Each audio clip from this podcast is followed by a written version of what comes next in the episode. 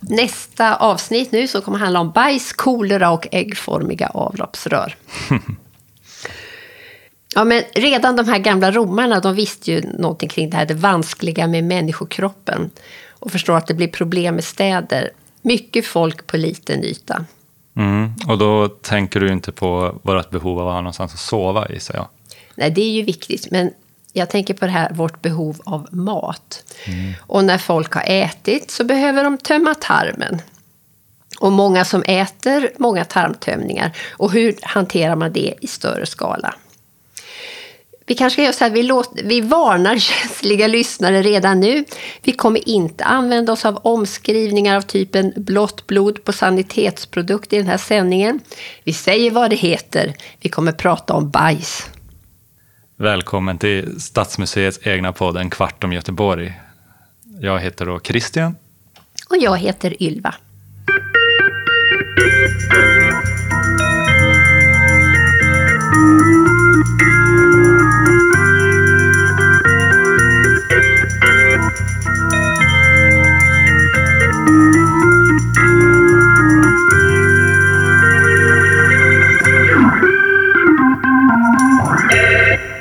Och nu när vi då har lämnat omskrivningarna bakom oss och säger det alla tänker, då måste vi berätta varför detta ämne.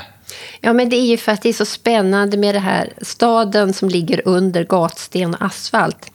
För när vi pratar om att bygga städer och stad så tänker vi ofta på bostad. Men osynligt för ögat så finns ju den här infrastrukturen som vi är helt beroende av, som avloppssystemet. Ja, det kan man ju märka när man är ute och reser i andra delar av världen där det inte funkar. Då blir det ju uppenbart. Utan bra toaletter och rent vatten blir livet komplicerat. Vi hade till och med kunnat göra ett avsnitt, tror jag, om toaletter vi minns. Det räcker ju med ett överbelastat Öresundståg ibland. Ja, verkligen. Ja, men, och också den här kombinationen med att överfulla toaletter och sjukdomar det är kopplat liksom till smutsigt vatten. Ja, amöbor av många slag och inte minst kolera, en tarmsjukdom som ger våldsamma diarréer och kan leda till döden på bara ett dygn om man inte får hjälp. Från början trodde de att det här var en tropisk sjukdom, men på 1820-talet så sprider sig koleran via Ganges till Sverige, dit den kommer 1834. Bara under de här åren, bara under det året ska jag säga, så dör mer än en och en halv miljon människor i Europa av kolera. Ja, det är en fasansfull farsot faktiskt. Mm. Och man kan säga att det börjar ju i Göteborg 1834. Men under hela 1850-talet så härjar kolera på västkusten. Mm, och vi har ju kolerakyrkogårdar både i Delsjöområdet och i Raningsberget.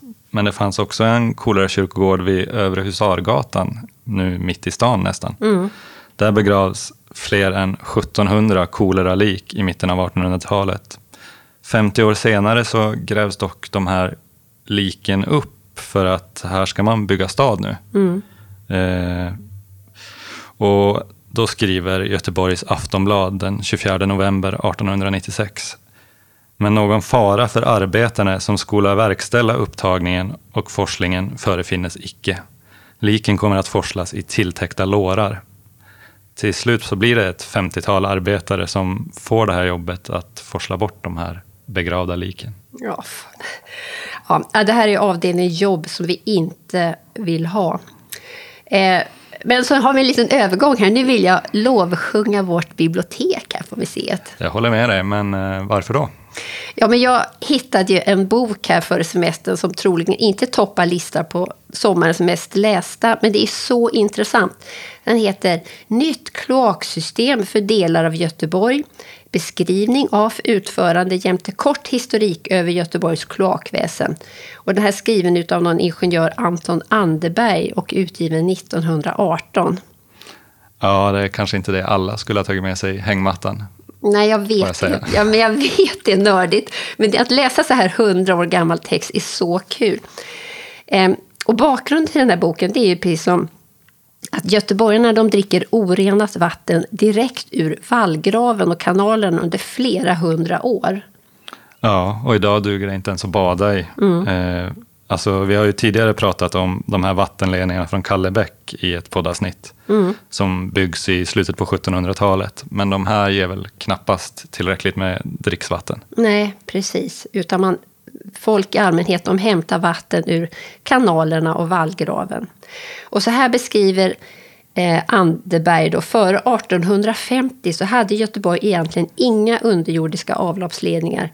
Såväl spillvatten som regnvatten leddes i öppna rännstenar till stadens kanaler.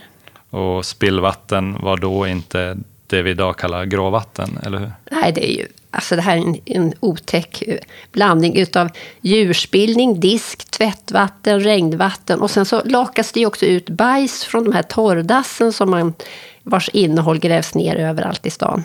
En härlig cocktail. Mm, verkligen. Och vid samma tid på landsbygden så byggdes ju ofta avträde till ladugården så att allt hamnade på gödselstacken. Det var ju en typ av förenklad gödselhantering kan man säga. Och det här är ju ett kretslopp som nej, det funkade ju inte ens i Göteborg på 1860-talet. För då bodde det ungefär 45 000 människor i stan och man har problem kan man säga. Ja, verkligen. Det finns ett citat som, står, som säger så här. Det som mer än annat gör vår stad så oangenäm och ohälsosam sommartid, särskilt under torka, är den svåra stanken från rännstenar, portar och gårdar, därifrån allt spillvatten med all sådan orenlighet som är flytande lämnas att långsamt söka vägen till hamnkanalerna och därunder delvis dunstar. Så här står det alltså i ett betänkande som kom in till stadsfullmäktige 1866. Och det är nu J.G. Richert dyker upp. Och han beskrivs i boken som en föregångsman inom kloakteknikens område. Ja, och Roms 18 underverk, eh, Klaka Maxima, det byggdes ju på 500-talet före Kristus. Så nu kommer den här Richert då och planerar Göteborgs motsvarighet över 2000 år senare. Ja, men det har hänt lite saker. Det är Yes. förbättrad teknik. Och han har en plan, en, liksom lägger fram en plan om hur man ska dränera staden. Eh, och hans förslag det handlar om att man med hjälp av vatten då ska bortföra den här latrinspillningen och annan flytande orenlighet, som han säger, ut i djupt liggande avloppsrör och kloaker. Och det här ska liksom mynna ut i någon reservoar som han tycker ska placeras i Gullbergs vass. Och så ska man pumpa upp det här vattnet och rena det och så ska det ut i älven. Då. Ja, ingenjören har verkligen en dröm här. Eh, En dröm om en vattenrenande toalett. Och jag tänker att det här är första gången den drömmen dröms i Göteborg. Ja, WC-drömmar från Mm. Göteborg. Precis. I alla fall vad vi vet. Eh, men det är väl mycket troligt.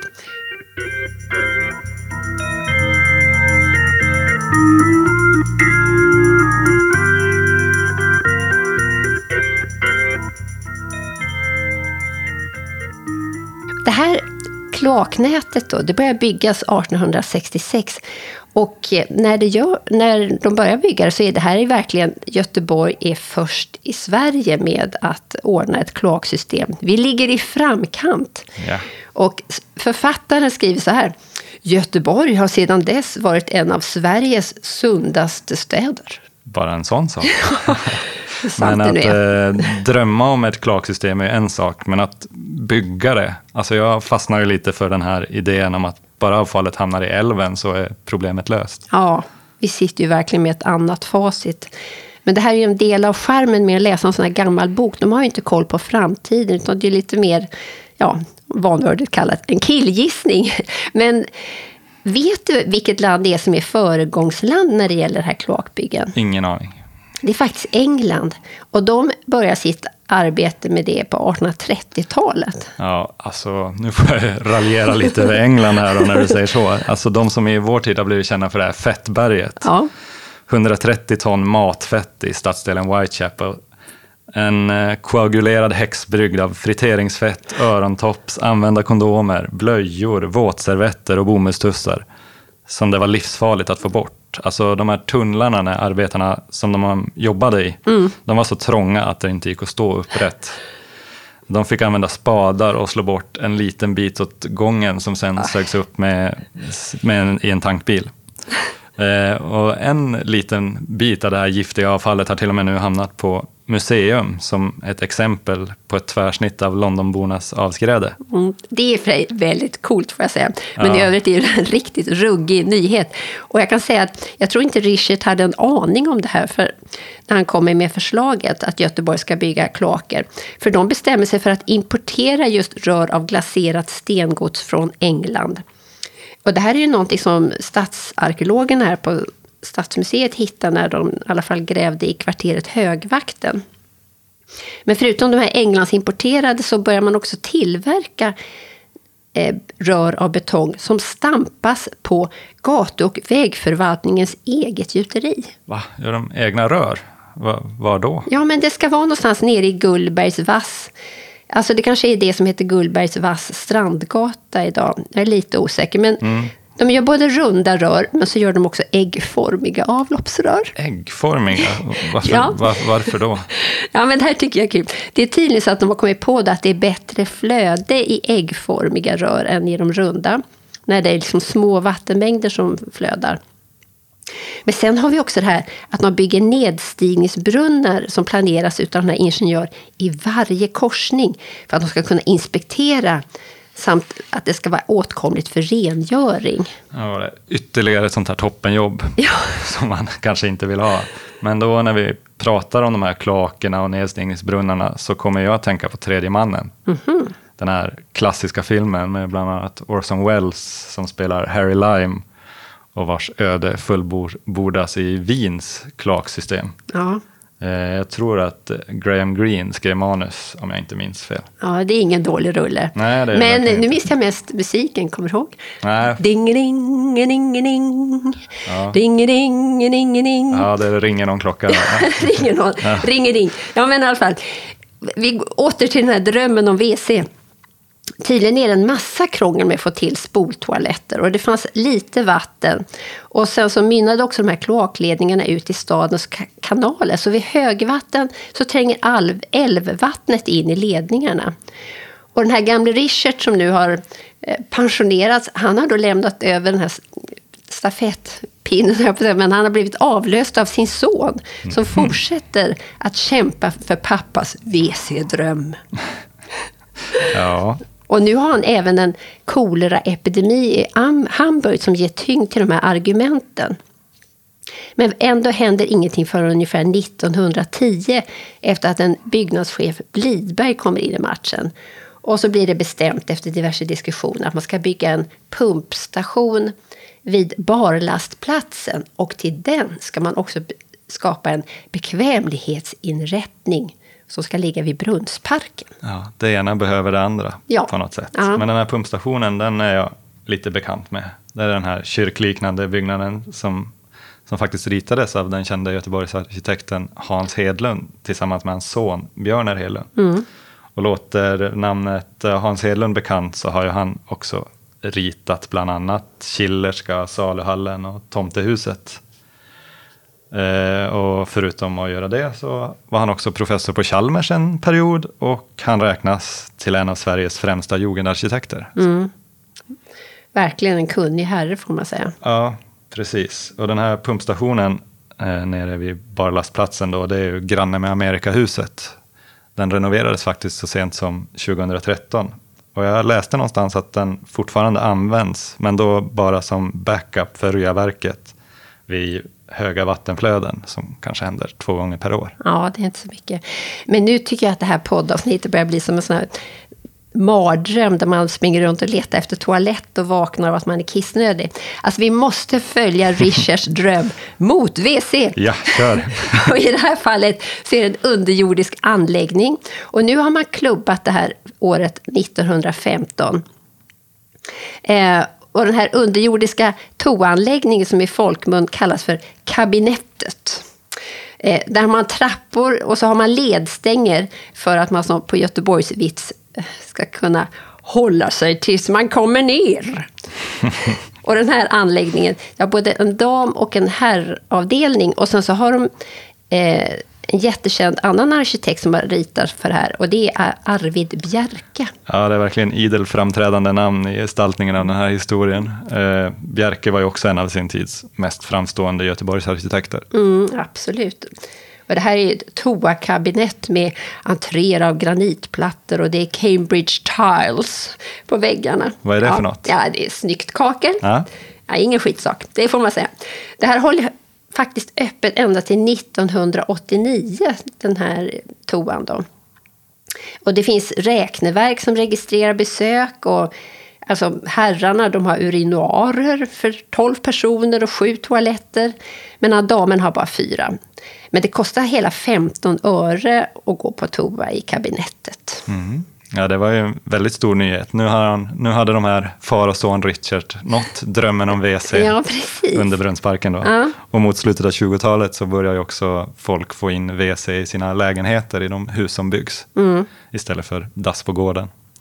Eh, men det är en helt annan historia, det hinner vi nog inte prata om idag. Nej, men nu bara så här, vet du förresten varför alla djur i världen över 3 kilo kissar i genomsnitt 21 sekunder? Nej, Ylva, jag har ingen aning och jag tror faktiskt inte jag vill veta heller. Eh, jag tror vi får ta och sluta nu. Okej. Hej då från en kvart från Göteborg. Ja, men hej då, vi hörs igen.